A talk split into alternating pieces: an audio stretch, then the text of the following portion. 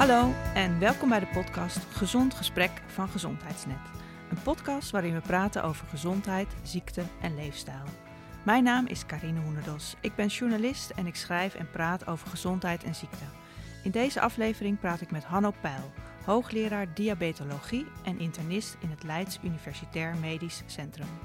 Professor Hanno Peil doet uh, onderzoek, hij geeft college aan medische studenten en hij behandelt patiënten in een ziekenhuis. Ik mag Hanno zeggen, want uh, we kennen elkaar best goed. We hebben samen namelijk drie boeken geschreven. Twee over diabetes type 2 en één over hart- en vaatziekten. Uh, Hanno, welkom. Ja. Hartstikke fijn dat we samen even kunnen praten over gezondheid en leefstijl. Misschien kun je eerst iets over jezelf vertellen, want ik ben eigenlijk wel benieuwd hoe lang je al dokter bent en uh, waarom je jezelf hebt gespecialiseerd in diabetes type 2. Uh, nou, ik ben al heel lang dokter, kan ik je vertellen. Uh, ik ben dokter sinds uh, 1984, om precies te zijn. Uh, en ik ben internist geworden in 1990. Uh, en in de loop van de jaren ben ik me steeds meer gaan interesseren in um, eigenlijk de. de het, het, is begonnen met, met overgewicht en obesitas. Daar lag mijn wetenschappelijke belangstelling. En eh, diabetes, en vooral dan type 2 diabetes, is natuurlijk een hele belangrijke consequentie van eh, obesitas. En vanuit die belangstelling voor, voor overgewicht ben ik dus langzaam aan de eh, steeds meer belangstelling gaan krijgen voor, voor, die, voor die consequentie. En ehm, toen ben ik in 2000 twee of drie eh, ben ik eh, van de algemene interne geneeskunde overgestapt naar de endocrinologie, waar eh, ook de zorg voor diabetespatiënten onder valt. En toen ben ik eigenlijk vanaf dat moment ben ik steeds meer patiënten met diabetes gaan behandelen. En, en daar ligt dus eigenlijk mijn, ja, de oorsprong van mijn, van mijn interesse. Ja. In de loop der tijd ben je echt een pleitbezorger geworden voor leefstijl in die behandeling van bijvoorbeeld overgewicht, maar zeker ook diabetes type 2. het lijkt erop dat jouw motto is liever leefstijl dan pillen. Um, waarschijnlijk ben je niet meteen zo gestart als jonge arts. Hoe is dat, hoe is dat uh, ontwikkeld, die gedachten? Nee, dat is, het is inderdaad wel interessant. Wij worden in, opgeleid als pillendokters. Dus wij leren hoe we ziekte, als die er eenmaal is, met pillen moeten verbeteren, behandelen.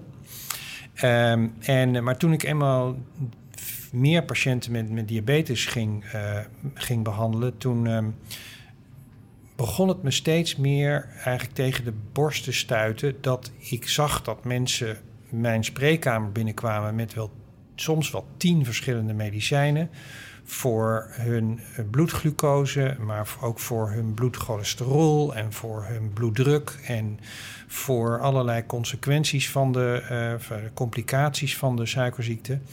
En uh, nou, nou, mensen hebben, uh, dan, nog was hun hun conditie vaak niet zoals die hoort te zijn. Ondanks alle pillen? Ondanks alle pillen. Mm -hmm. Mensen hadden ook vaak last van die pillen.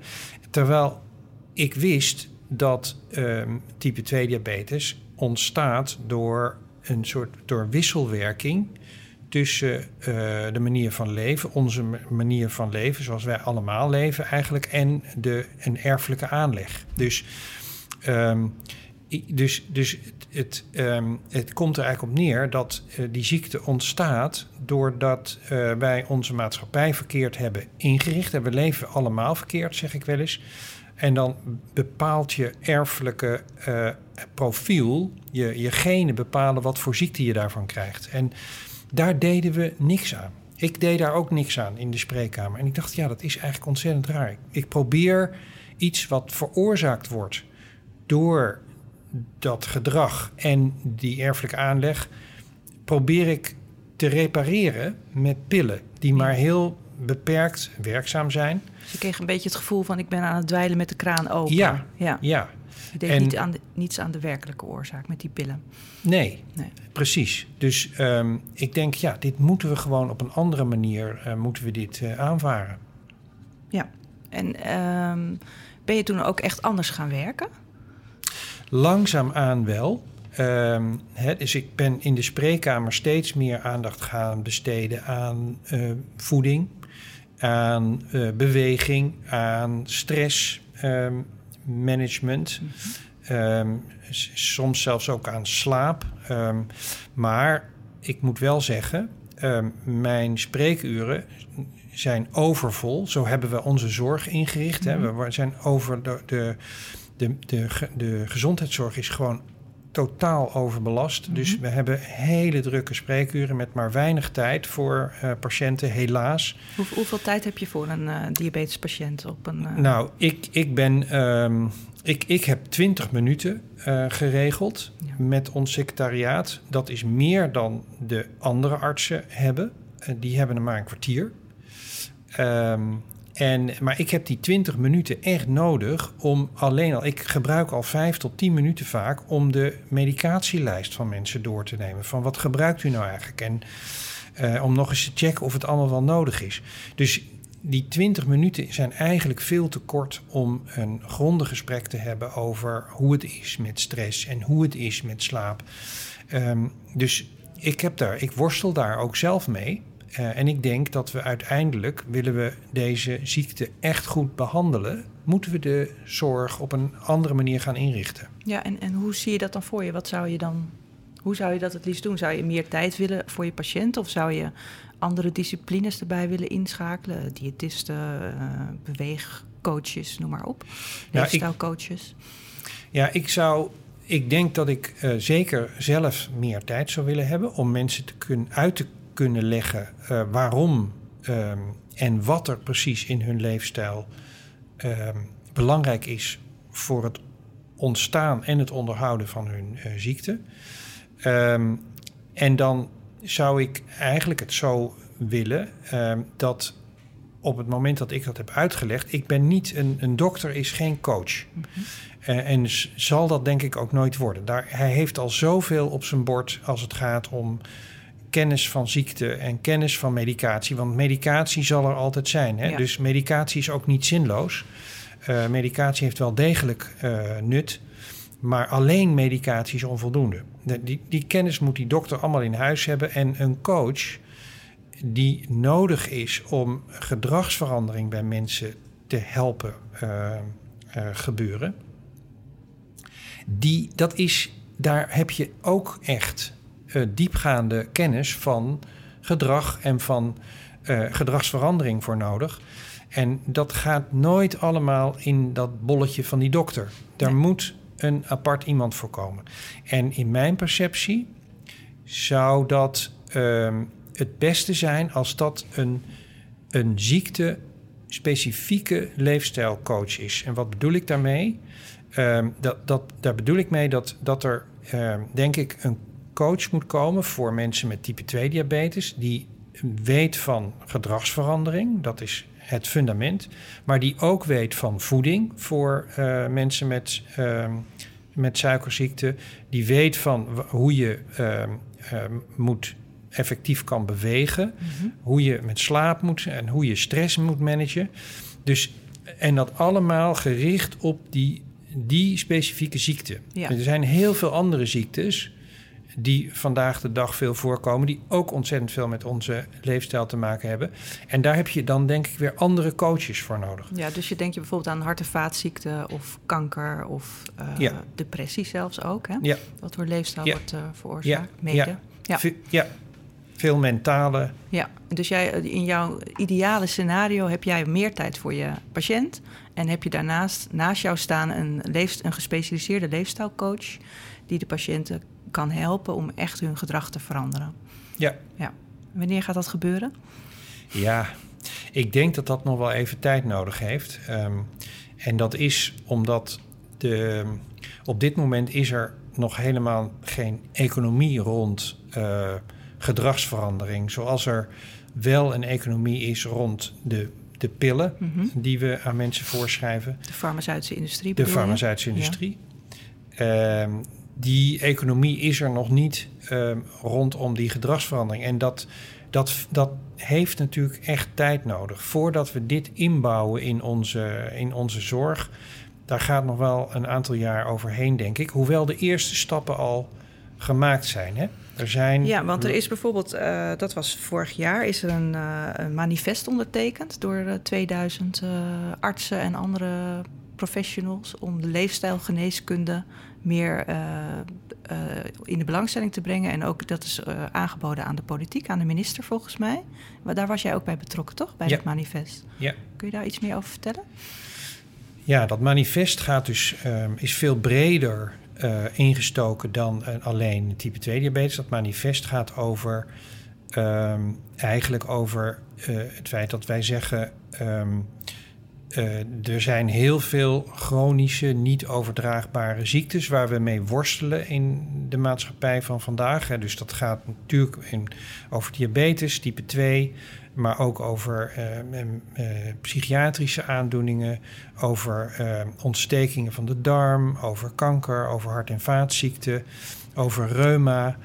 zo zijn er een heel scala aan ziektes die veel van doen hebben met de manier waarop wij leven. En dat manifest, dat zegt eigenlijk, um, besteed daar nou aandacht aan, ook in de behandeling. Dus niet alleen in de preventie van die ziektes, maar ook in de behandeling van die ziektes. Dus dat manifest richt zich expliciet op de curatieve zorg, niet op de preventieve zorg. En, um, uh, en dat zegt, uh, dat vraagt de, de maatschappij, de minister in het bijzonder, om daar aandacht voor te hebben. En om ehm, te kijken hoe we dat met z'n allen kunnen ontwikkelen. Hoe we de curatieve zorg in die richting kunnen uh, kunnen ontwikkelen. Oké, okay, je zegt uh, curatieve en preventieve zorg. Kun je voor de luisteraar uitleggen wat, wat precies het verschil is en wat het is?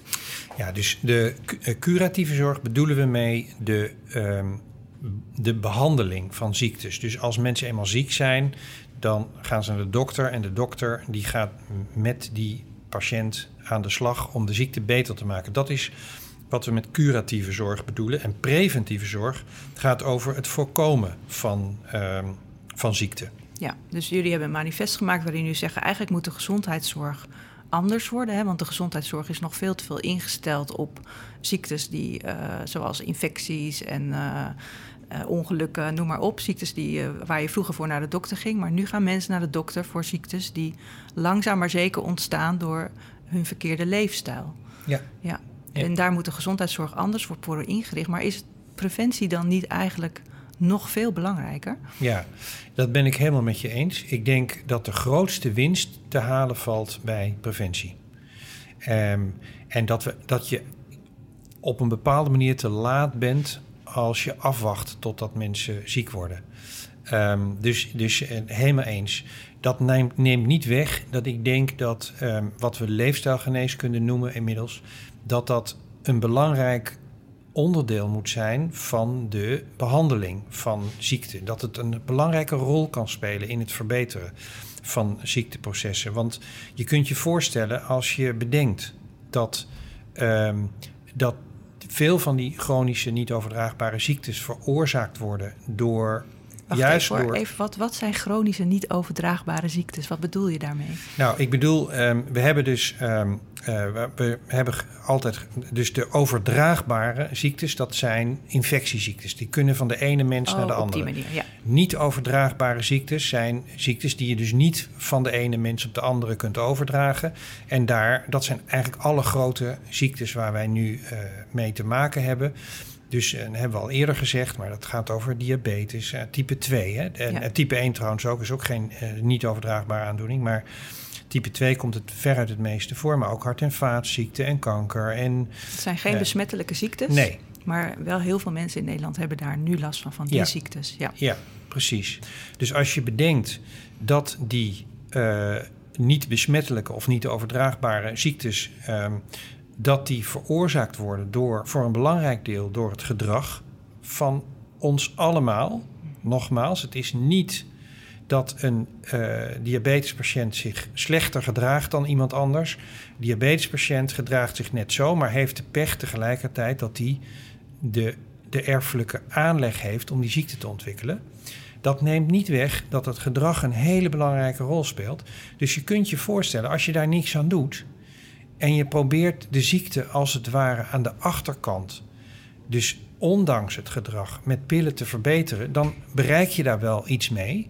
Maar je, je, omdat je de, de oorsprong, de oorzaak van het geheel niet, uh, niet aanpakt, ga je het nooit oplossen. Ja. Dus daarom uh, denk ik, en gelukkig ik uh, al lang niet meer alleen, um, dat, we, um, dat we veel ziektes op een hele andere manier moeten aanvaren. En dat leefstijlgeneeskunde dus een integraal deel moet worden van wat, wat je de traditionele geneeskunde. Ja, dat is duidelijk. En stel, uh, uh, er luistert iemand naar deze podcast en die heeft diabetes type 2 en die denkt van oké, okay, uh, mijn gedrag is blijkbaar be heel belangrijk. Waar zou iemand, zou iemand mee moeten beginnen nu? Nou, ik denk dat er zijn een aantal dingen. Ik denk dat de, het misschien wel de belangrijkste, ehm, de belangrijkste eerste stap is het, is het um, aanpassen van de voeding. Um, en wat, is dan, wat zijn dan essentiële aspecten van die voeding? In de eerste plaats, en dat vind ik persoonlijk, maar je hebt daar ongetwijfeld zelf ook ideeën over. Maar wat ik persoonlijk de belangrijkste stap vind, is het vermijden van bewerkt voedsel. Waarom? En wat, en wat is bewerkt voedsel? Dat is al het voedsel dat in de fabriek ja. wordt gemaakt. Uh, dus bijvoorbeeld niet de aardappelen, maar de aardappelpuree uit een pakje. En niet de, uh, de, de muesli, maar de uh, ontbijtgranen in zo'n vrolijk pak met een haan erop. Dat soort, dat soort producten, dat bedoel je. Die moet je vermijden. Die moet je zoveel mogelijk vermijden. Want? Want um, om nou, tenminste drie redenen. In de eerste plaats um, zit er in bijna al die producten suiker. Mm -hmm.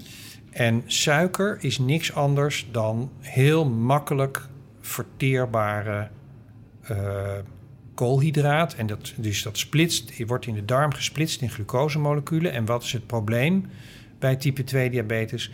Mensen zijn wat we noemen glucose intolerant. Dat betekent niks anders dan dat ze heel moeilijk, als ze die glucose eenmaal in hun bloed hebben, krijgen ze die glucose er heel moeilijk weer uit.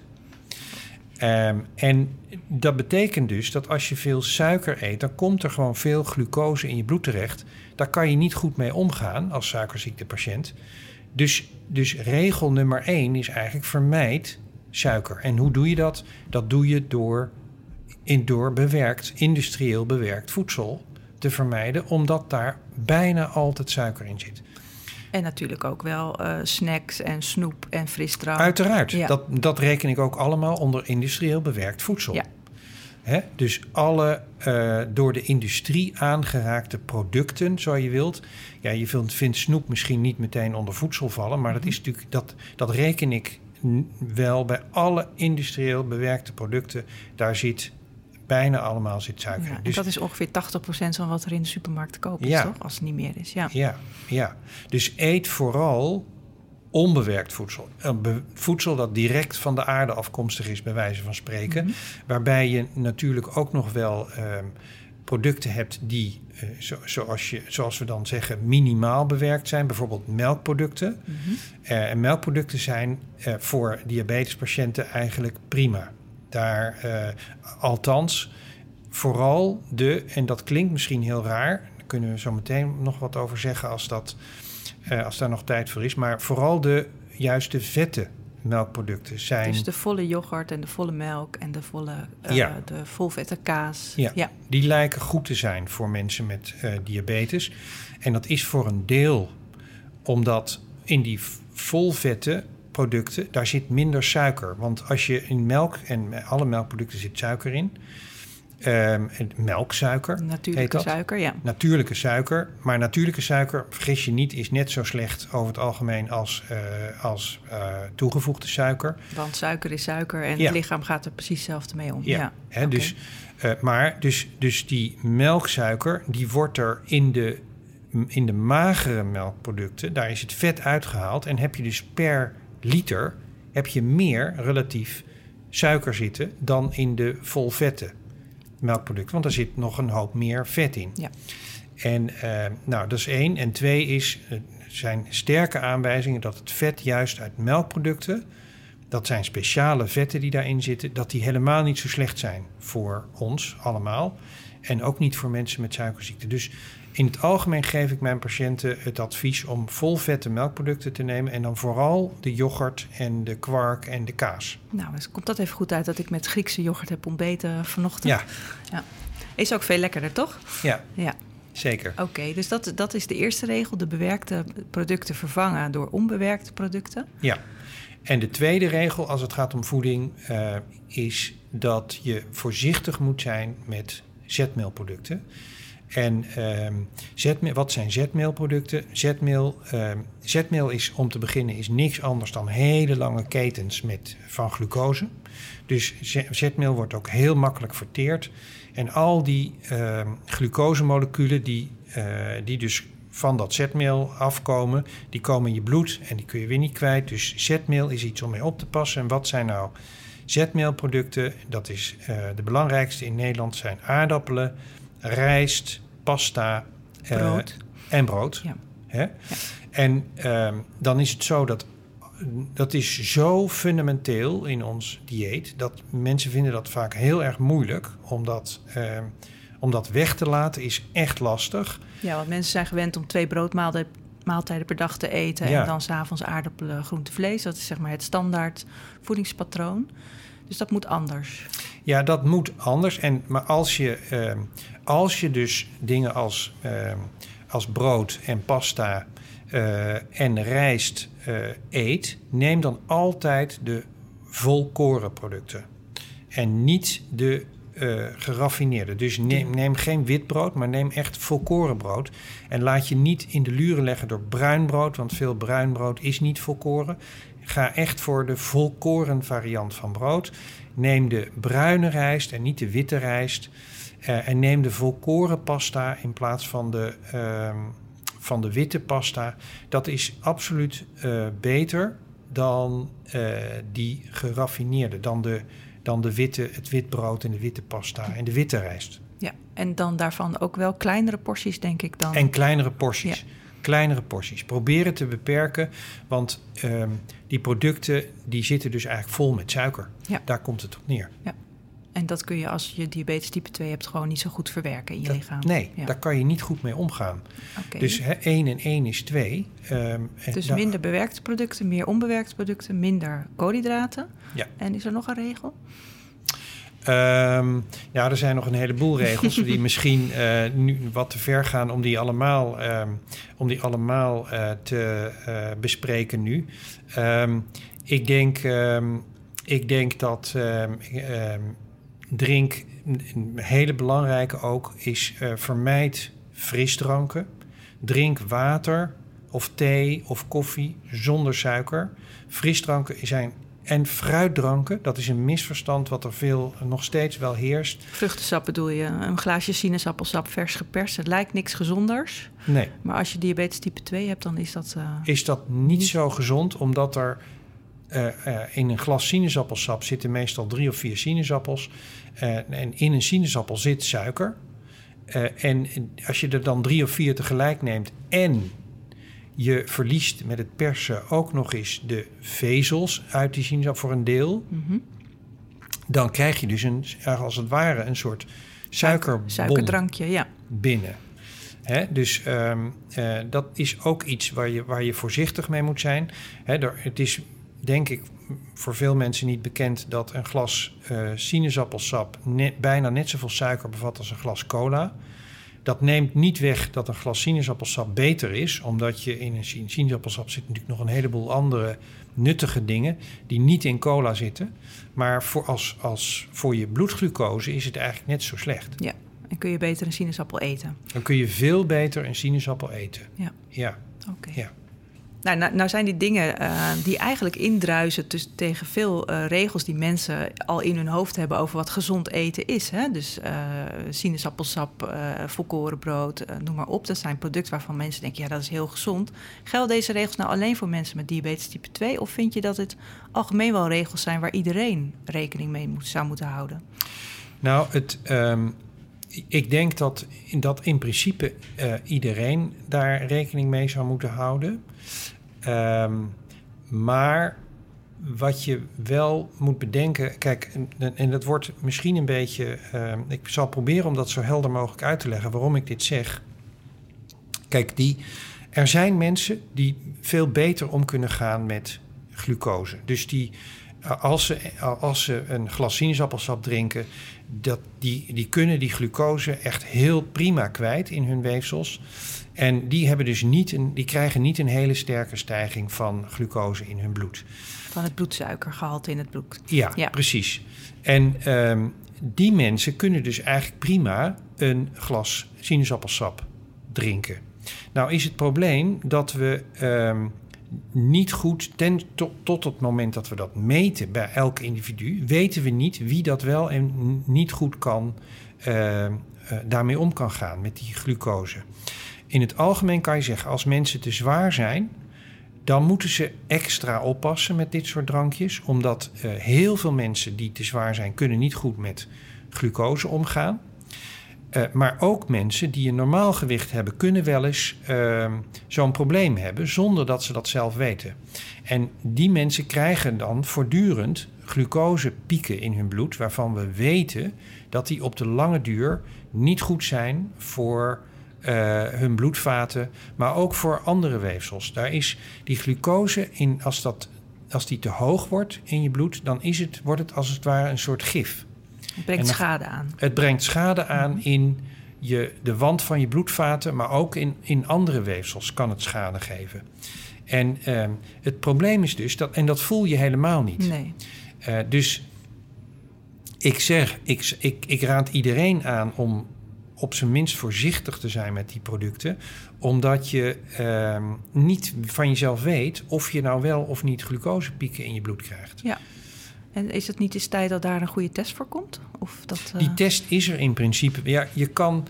Uh, maar die is vrij, uh, die, die, is vrij bewerkelijk, zullen we maar zeggen. Dus je moet dan eigenlijk een glas sinaasappelsap drinken, bij wijze van spreken. En een paar keer daarna moet, er, moet je glucose in je bloed meten.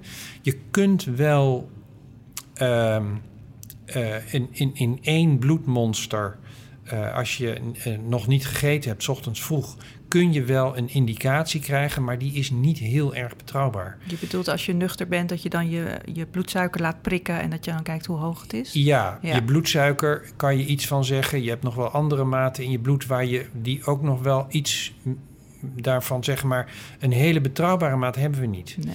Dus um, tot zover we dat niet weten, uh, raad je aan om uh, niet te veel koolhydraten te eten. En om zeker voorzichtig te zijn met suikers, met snelle suikers. Snelle suikers, precies. Ja, zoals dus... in vruchtensap en in frisdrank en in snoep en in koek. Ja. Om die uh, zoveel mogelijk te beperken. Ja, ja. ja zeker. Um, en, um, en als je dus um, die uh, graanproducten, dus, dus brood en pasta en rijst, neem altijd de volkoren producten, want die zijn echt veel beter dan de, uh, dan de niet, niet volkoren ja, producten. dan de witte producten. Ja. ja.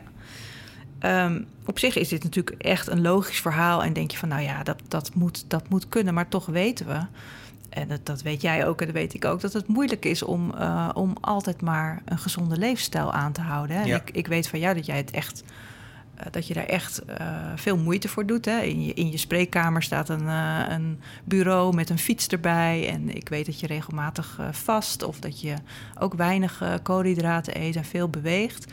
En ik probeer dat ook. Maar ik weet, en dat weet jij ook, dat het gewoon moeilijk is in het dagelijks leven om dat steeds weer daar die energie aan te besteden. Wat, hoe komt dat, dat het zo moeilijk is? Want iets wat voor ons zo gezond is. Ja, dat komt door de manier waarop wij onze maatschappij hebben ingericht. We worden continu verleid om de verkeerde dingen te doen. Um, en um, daar, daar moet je je dus voortdurend tegen verzetten, als het ware. En um, daarom zeg ik wel eens, als je werkelijk iets aan de tsunami van chronische ziektes wil doen, die, waar we nu door overspoeld zijn. Ja, dan, vind je dat? Is, is er echt een tsunami nu? Ja, dat denk ik wel. Hè? Als je de getallen van het CBS ziet, um, vanaf het 40ste jaar begint het al. Uh, begint het aantal mensen met een, met een ziekte, chronische ziekte al toe te nemen. En boven de uh, 65 is het, is ergens in de buurt van de 70 tot 80 procent van de mensen is ziek. Hmm. En dat is een krankzinnig eh, eh, percentage. Dat hoeft helemaal niet. Hè. Wij denken allemaal dat dat komt omdat we ouder worden in deze. En dat, dat natuurlijk speelt veroudering een belangrijke rol. Maar veroudering hoeft absoluut niet met ziekte gepaard te gaan. Daar hebben we werkelijk overtuigende bewijzen voor. Dus die massale ziekte op oudere leeftijd heeft heel veel te maken met de manier waarop wij leven. Ja. En even En- terug naar de vraag van waarom is dat nou zo moeilijk? Nou, we hebben, we hebben onze maatschappij dus ingericht op een manier die niet goed voor ons is. En die is. Het wel interessante is eigenlijk dat we dat wel doen. ehm, op, op, eh, op, ehm, ehm, vanuit een biologisch. eh, we worden daar biologisch toe gedreven. Dat mag je even uitleggen. Ja, want, want wat hebben we gedaan? hè? We hebben dus. eh, wij vinden suiker bijvoorbeeld vinden we heel erg lekker, Mhm. omdat glucose is de belangrijkste brandstof voor onze hersenen. En ehm, glucose en suiker is in natuurlijke producten is heel schaars. Ja, je hebt dat in fruit en je hebt dat in honing. Daar houdt het eigenlijk wel mee op. Moedermelk. Ja, Ja. en dan is het, dat is het dan. Hè? En ehm, vroeger, toen we nog ehm, jagers en verzamelaars waren, dan, als we dan dus fruit vonden of honing, dan moesten we daar vooral zoveel mogelijk van eten, omdat dat een belangrijke brandstof is voor onze hersenen. Ehm, en toen kwam de, eh, de industriële revolutie. En toen kregen we opeens de techniek in handen om eh, die suiker uit suikerbieten te winnen. En over, ging het vervolgens overal instoppen. Omdat we het van nature zo lekker vinden. En zo, ja. en- ja. Precies. Alleen, ehm, dat komt dus nu als een boemerang op ons terug. Omdat die enorme hoeveelheden suiker die we nu eten... Hè, we eten gemiddeld in Nederland iets van 50 kilogram suiker per persoon per jaar... Ehm, die, eh, die enorme hoeveelheid, daar zijn we helemaal niet voor gemaakt. Hm. Hè? Dus, dus dat is, en, het, en tegelijkertijd ehm, richten we onze maatschappij zo in dat we ons nergens meer voor hoeven in te spannen. En dat, ook dat is biologisch gedreven, want vroeger, als we eten hadden, dan moesten we vooral gaan zitten, omdat we altijd weer periodes tegenkwamen waarin we te weinig eten hadden en te weinig energie. Dus als je energie kon sparen, moest je dat doen. Ja. Nou, nu eh, hebben we dus de techniek om nooit meer energie uit te geven, bij wijze van spreken. Hè? Ja. En dat, komt, dat is net als met die suiker. Dat komt, dat weten we echt heel goed. Dat komt als een boemerang op ons terug. Te weinig bewegen verhoogt de kans op suikerziekte, verhoogt de kans op, op, op kanker, verhoogt de kans op hart- en vaatziekten. Dus het, het zijn, wij hebben onze maatschappij zo gemaakt ehm, eh, doordat we eh, dat, eh, ja, het zijn, dat is een biologisch gedreven Ja. proces waar we ons nu tegen moeten verzetten. Ja, dus we, we leven in een lui lekker land. Voor, eh, Ja. de, de oermens zou het hier fantastisch vinden, maar de oermens zou ook binnen heel korte tijd ziek worden, waarschijnlijk. Ja, En eigenlijk zijn wij natuurlijk nog steeds de oermens, want zoveel is er niet veranderd in onze genen en daarom worden we ziek. Maar dat maakt het dus wel heel moeilijk om die leefstijl te veranderen. ja. En wat is, hoe lukt het dan wel? Nou, kijk, ik denk dat je. ehm, het begint met. Het begint allemaal met eh, kennis, maar ook vooral een werkelijk inzicht in ehm, de slechte kanten van onze manier van leven. Dat is de basis voor elke verandering die ehm, in de loop van de tijd doorgevoerd moet worden. Dan het tweede is belangrijk is mensen op een eh, manier ondersteunen die het ze, die ze helpt om, eh, om hun gedrag eh, op een gezonde manier aan te passen. Gegeven de context van onze samenleving. Mhm. Maar ik zeg vaak, als je dit eh, aan de zorg overlaat, dan strijd je een verloren strijd. Ik denk namelijk dat we ook echt met z'n allen iets moeten doen aan onze omgeving. Ja. En daar, dat, dat zijn natuurlijk gemeenschappelijke processen. Dat kan niet één iemand dicteren. Dat moet gewoon democratisch, politiek besloten worden. Van wat doen we, hoe bouwen we de steden Ja. van onze. Dus ik, ik zie met grote uh, vrezen bijvoorbeeld hoor ik nu in het nieuws dat er in grote steden wordt, erg wordt gedacht aan het uh, bouwen van torenhoge flats om de woningnood op te lossen. Mm-hmm. Dat is een oplossing die de, woninglood, de woningnood wel aanpakt, maar die ik denk potentieel gewoon niet goed is voor onze gezondheid. want een flat, ja, een flat van 40 of 50 of 60 etages, daar ga je natuurlijk nooit met de trap naar boven. Ja, dan moet je wel de lift nemen. Ja. dus over dat soort dingen moeten we nadenken. Willen we die enorme uh, ziektelast waar we nu mee te maken hebben, uh, te boven komen? Uh, we moeten nadenken over wat laten we op onze voedselmarkt toe. Ik, ik meen echt, het komen tienduizenden nieuwe producten op de markt elk jaar, waarvan we moeten nadenken van is dat, willen we dat nou eigenlijk wel? Maar voordat we nou heel erg depressief worden over uh, dat, dat je denkt van nou het ligt allemaal aan de maatschappij, het ligt niet aan ons. Uh, wij hebben samen een uh, boek geschreven over diabetes type 2 en we kregen mailtjes van patiënten die zeiden van we hebben jullie boek gelezen en we, hebben, we zijn naar de do dokter geweest en het is ons gelukt om onze leefstijl te veranderen. En, um, en wat ik persoonlijk heel, dat is natuurlijk al prachtig. En wat ik persoonlijk heel mooi vond, is dat mensen ook direct winst ervaren. Hè? Dus het is niet iets wat je op de lange termijn pas merkt. Ja. Maar uh, als je leefstijl kan veranderen, dan, uh, ja, dan, dan voel je je direct beter. Je hebt meer energie, je zit niet meer s'avonds ingekakt op de bank en uh, je stoelgang gaat beter. Alles verbetert eigenlijk. Um, dus misschien moeten we dat ook nog even benadrukken, Hanno. Dat het, uh, dat het wel zeker te doen is en dat het uh, veel oplevert. Nee, absoluut. Ben ik helemaal met je eens. dus uh, er, zijn, er zijn zeker mensen die enorm succesvol zijn, die het heel goed voor elkaar boksen. En niet alleen in de eerste zes maanden, maar zelfs tot jaren. hebben we nu inmiddels mensen die, um, die het voor elkaar hebben gebracht om helemaal van hun, van hun pillen zelfs af te komen voor hun type 2 diabetes. Ja, of zelfs van hun insuline. En van hun insuline. En, uh, en die zich ontzettend veel beter voelen. Dat je, dus er is een belangrijke winst, op, zelfs op korte termijn vaak te behalen uh, voor mensen. Daar heb je volkomen gelijk in. Um, dus uh, zeker, zeker. Het is, het, het is voor, een, voor, misschien, voor een, een zeker deel van de mensen is advies en begeleiding, zelfs alleen maar in de vorm van een boek, zoals wij dat hebben geschreven, kennelijk voldoende.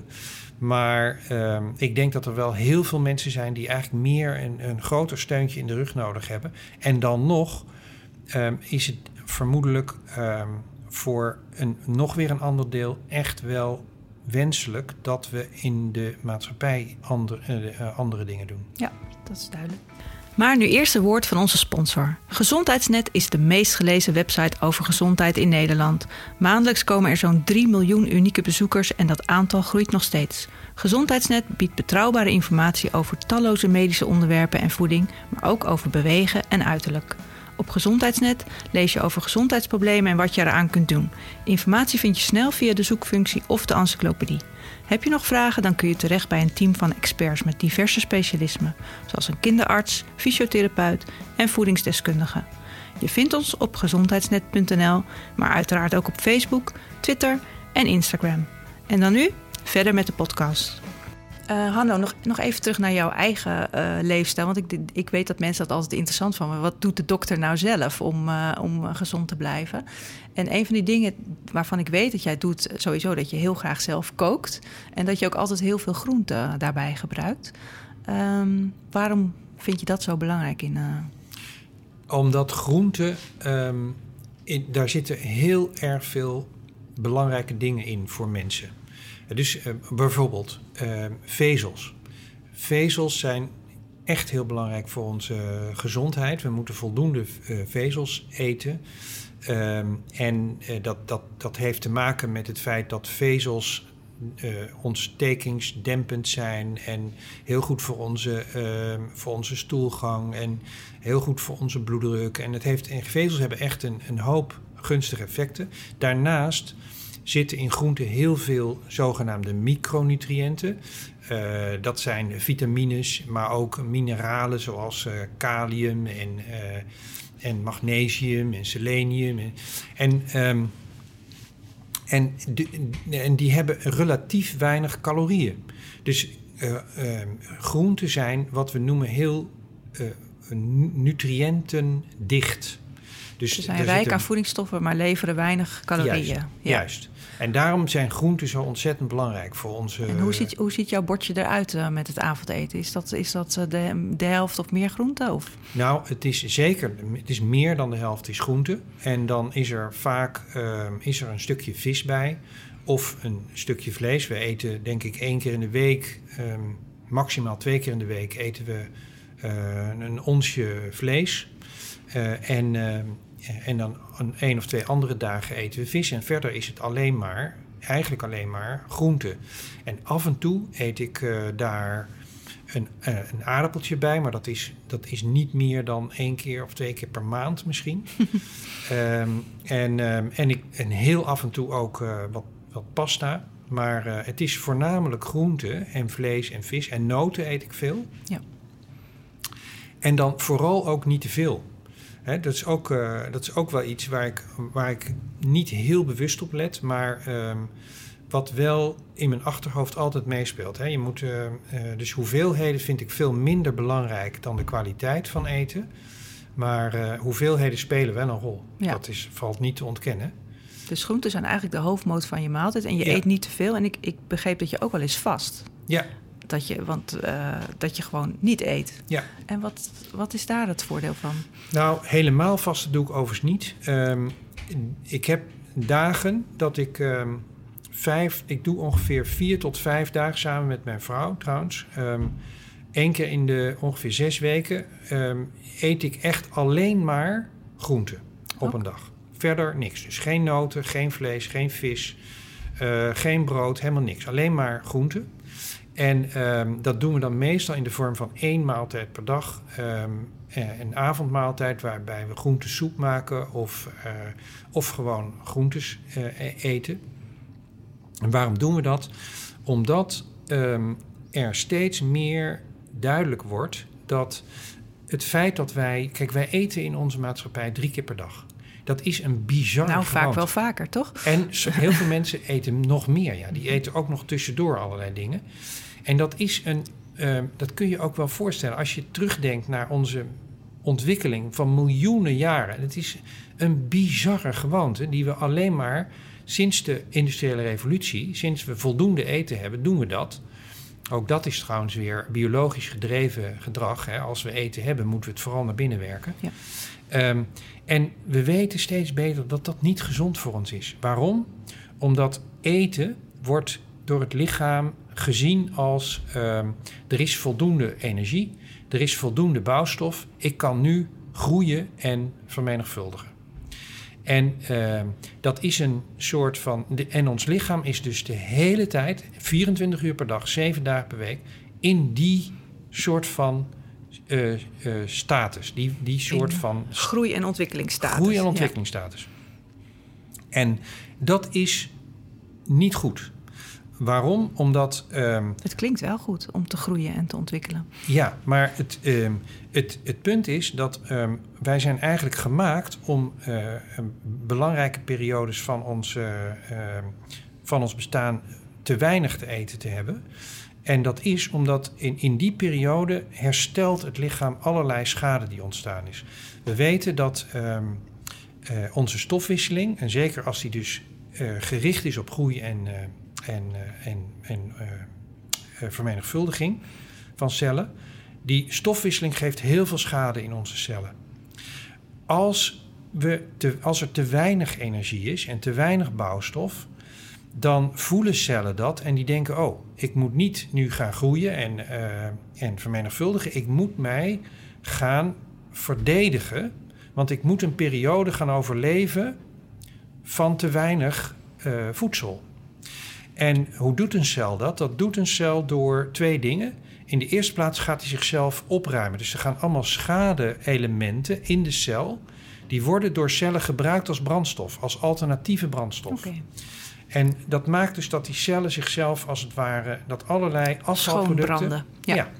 dat is één. En twee, er ontstaat een, eh, soort van verdediging tegen allerlei vormen van schademomenten. dus bijvoorbeeld tegen ehm, giftige stoffen, tegen warmte, tegen straling. Hè. Zonnestraling geeft ook schade in onze cellen, in onze huidcellen.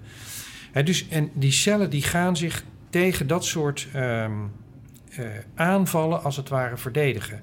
Dus ze schonen op en ze eh, gaan in de verdedigingsstand. En dat, is dus, dat beschermt ons tegen ziekte. Dus ehm, wij moeten eigenlijk als mensen moeten we, uh, zorgen dat we, al is het maar bepaalde delen van de dag ook, en daar komen we ook steeds meer achter, dat um, als je maar bepaalde delen van de dag niet eet, dat is ook al goed voor je gezondheid, naar alle waarschijnlijkheid. Oké, dus niet uh, de tussendoortjes, nee. maar drie maaltijden per dag of twee maaltijden per dag. Ja. Uh, zorgen dat je regelmatig je lichaam rust geeft. Eigenlijk een beetje zoals slapen dus. Ja. In je slaap herstel je ja. ook en uh, ja. worden je cellen ook weer vernieuwd en verfrist. En dat gebeurt dus ook als je een tijdje niet eet. Oké. Okay. Ik moet dat ook eens gaan proberen, Hanno. maar ik hou zo van eten. wie niet? ja. Maar het lukt jou dus omdat je weet van dit is heel belangrijk voor me. Jij bent echt doordrongen van het feit van ik, uh, ik, wil, me, ik wil gezond blijven en ik wil uh, die cellen de kans geven om, uh, om mij te verdedigen. Ja, ja, ik denk dat dat zeker, zeker een rol speelt. Daarnaast is het ook nog wel zo dat ik heb denk ik um, ook wel de, de, de, het geluk dat ik dat relatief makkelijk kan. Hè? Dus ik, die vijf dagen vind ik ook niet heel gemakkelijk trouwens, maar um, ik, kom daar, ik kan ook gewoon blijven werken bijvoorbeeld. Dat is geen enkel probleem. Uh, terwijl andere mensen, denk ik, uh, en merk ik ook wel, want ik, ik adviseer het sommige patiënten ook om het te doen in mijn, uh, in mijn spreekkamer. En dan merk ik dat sommige mensen daar wel echt heel veel moeite mee hebben. Dus er zullen ook wel persoonlijke uh, verschillen zijn, denk ik. Ja, dat denk ik ook. Maar dat geldt natuurlijk sowieso. Al, het is ja, allemaal maatwerk en iedereen is anders. Um, uh, nou zijn je adviezen zijn hier en daar best wel afwijkend van wat er, uh, normaal, wat er vroeger of nu nog wordt gezegd. Hè? Zoals um, eet minder koolhydraten, uh, vast af en toe, eet niet de hele dag door of tussendoortjes zijn niet nodig. Um, krijg je wel eens kritiek? Nou, dat valt eigenlijk reuze mee, moet ik zeggen. Um, hoewel ik, uh, dus ik persoonlijk ook wel af en toe tegengeluiden hoor, maar, dat, maar, maar ik, ik zie ook vooral tegengeluiden in social media.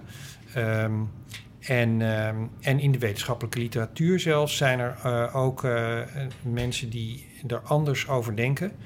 Ik denk zelf dat, uh, ik ben ervan overtuigd dat wat ik doe, dat dat ook wetenschappelijk, dat er heel veel aanwijzingen zijn dat dat, dat, dat klopt. Het is een kwestie van voortschrijdend inzicht ook. Um, hè, dus uh, de, de nadruk op, um, dat is wel interessant, de nadruk op zetmeel en suiker bij de behandeling van suikerziekte, die is er heel erg lang geweest. Tot de jaren 80 of zo. Je bedoelt um, op, om ze te beperken? Ja, om het te beperken. Dat is, dat is, in, dat is niet nieuw. Dat is helemaal niet nieuw. Hm. Dat is helemaal niet nieuw. Dat is heel oud zelfs. Dat is. Uh, dat is 100 jaar geleden was het ook al was het de belangrijkste manier om suikerziekte te behandelen. En toen kwamen de insulines en toen was opeens het verhaal van ja, maar nu kun je best suiker eten, want je spuit het gewoon weg met die insuline. Hm. En dat is dus een illusie gebleken. Dat, is, dat lukt wel een beetje. Natuurlijk lukt het. En insuline is een extreem belangrijk medicament. Maar eh, om daarbij dan te zeggen van nou, uh, alles kan en alles mag. Um, dat is onverstandig. Dus um, uh, ik denk dat, het, dat, dat dat advies van die zetmeel- en suikerbeperking... je ziet het ook trouwens in de richtlijn hè, voor, um, voor diabetespatiënten, de voedingsrichtlijn. Daar staat het gewoon in. Dat je, dat je daar minder van moet eten. Ja, ja klopt. dat je daar minder van moet eten... Ja. om het jezelf makkelijker te maken om die glucose beter te houden in je bloed. Ja. Dus, dus de inzichten veranderen... Ja. En, uh, maar je krijgt niet heel veel kritiek. Nee, nee dat is mooi. Mee. Ja. Um, zijn er nog dingen die je voor de toekomst uh, graag zou wensen? Nou, Wil je onderzoek doen? Of, uh... Zeker. Ik denk dat we nog heel veel onderzoek moeten doen naar welke interventies er voor welke individu nou het beste zijn. Ik geloof dat we heel erg toe moeten gaan groeien naar veel persoonlijker uh, behandeling van, van mensen. Uh, maar afgezien daarvan moeten we ook, ook voor diabetes um, nog veel leren over uh, wat nou de beste manier is om je leefstijl aan te passen, om die ziekte te behandelen. En dat geldt in extenso, zou ik bijna willen zeggen, voor, um, voor andere leefstijlgebonden ziektes. Daarvan weten we dus bijvoorbeeld uh, die depressie en bijvoorbeeld um, darmziektes, uh, reuma. Daar weten we van dat die samenhangen met onze manier van leven. Maar hoe je nou precies in de behandeling die leefstijl moet aanpassen, daar moeten we nog heel veel over leren. Dus daar moet onderzoek naar gebeuren. Ja. En ik hoop heel erg dat daar ruimte voor komt in de, in de nabije toekomst. En verder moeten we tegelijkertijd bouwen aan een andere gezondheidszorg. Ja, veel werk aan de winkel, Hanno. Zeker. Dank je wel voor dit gesprek. Heel graag gedaan. Dank jou. Je luisterde naar Gezond Gesprek, een podcast van Gezondheidsnet, gepresenteerd door Carine Hoenderdos en met producer Jonne Serize. De tune is van The Yearlings. Kijk voor meer informatie over diabetes type 2 en leefstijlgeneeskunde op www.gezondheidsnet.nl. Via Twitter zijn we te bereiken via Van Carina en Gezond Nieuws. Abonneer je vooral ook op iTunes en laat daar in ieder geval even een review achter, zodat andere mensen de podcast Gezond Gesprek ook kunnen vinden.